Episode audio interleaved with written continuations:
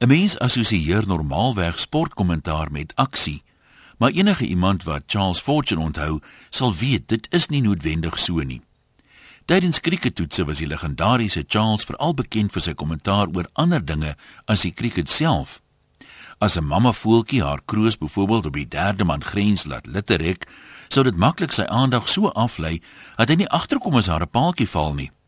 Toe hy een keer opkyk en die kolwer wat uit is gewaar, net toe hy onder die kleedkamer in verdwyn, merk hy droog op: "My goodness, he's out."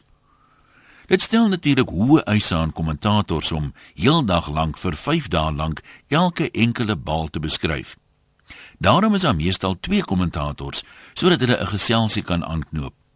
Kommentators het uh, gewoonlik self groot krieket gespeel, dikwels in die dae toe spelers nog flennie baadjies op die veld gedra het. Dit beteken so 'n kommentator het eerstehands 'n groot deel van krieket se geskiedenis persoonlik beleef. Hy kan byvoorbeeld vertel hoe die Tweede Wêreldoorlog krieket beïnvloed het.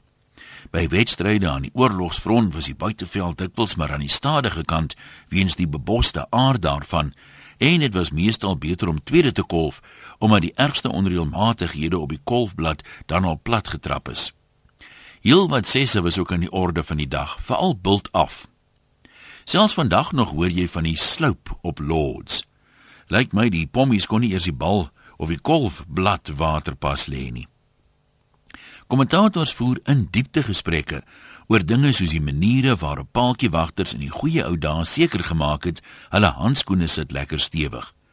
Sommige het selfs oornag 'n rou styk in hulle handskoene laat verouder vir ekstra greep maar darm nie geur nie. Snelbouers voel weer dikwels 'n behoefte om 'n gat in hulle skoene te sny sodat die groot toon beter ventilasie kan kry. Omdat 'n ou tydse cricketstewel maar aan die harde kant was, was 'n goeie knipmes altyd deel van 'n snelbouer se mondering. My familie sou nou seker goed gevaar het. Ek meen ons gaan nooit uit sonder ons Okapi nie. Net om seker te maak daar's genoeg feite tot hulle beskikking, het die kommentators ook 'n statistikus by hulle in die ateljee. Hierdie man het toegang tot 'n verstommende klomp inligting.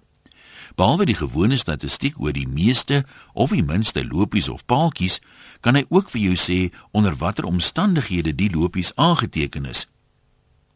Van sy beste beurte met aggressiewe grenshoue het Donald Bradman byvoorbeeld gespeel nadat hy sy dag met steak en eiers begin het. Hy het selde vloeiend gekolf na 'n havermout ontbyt.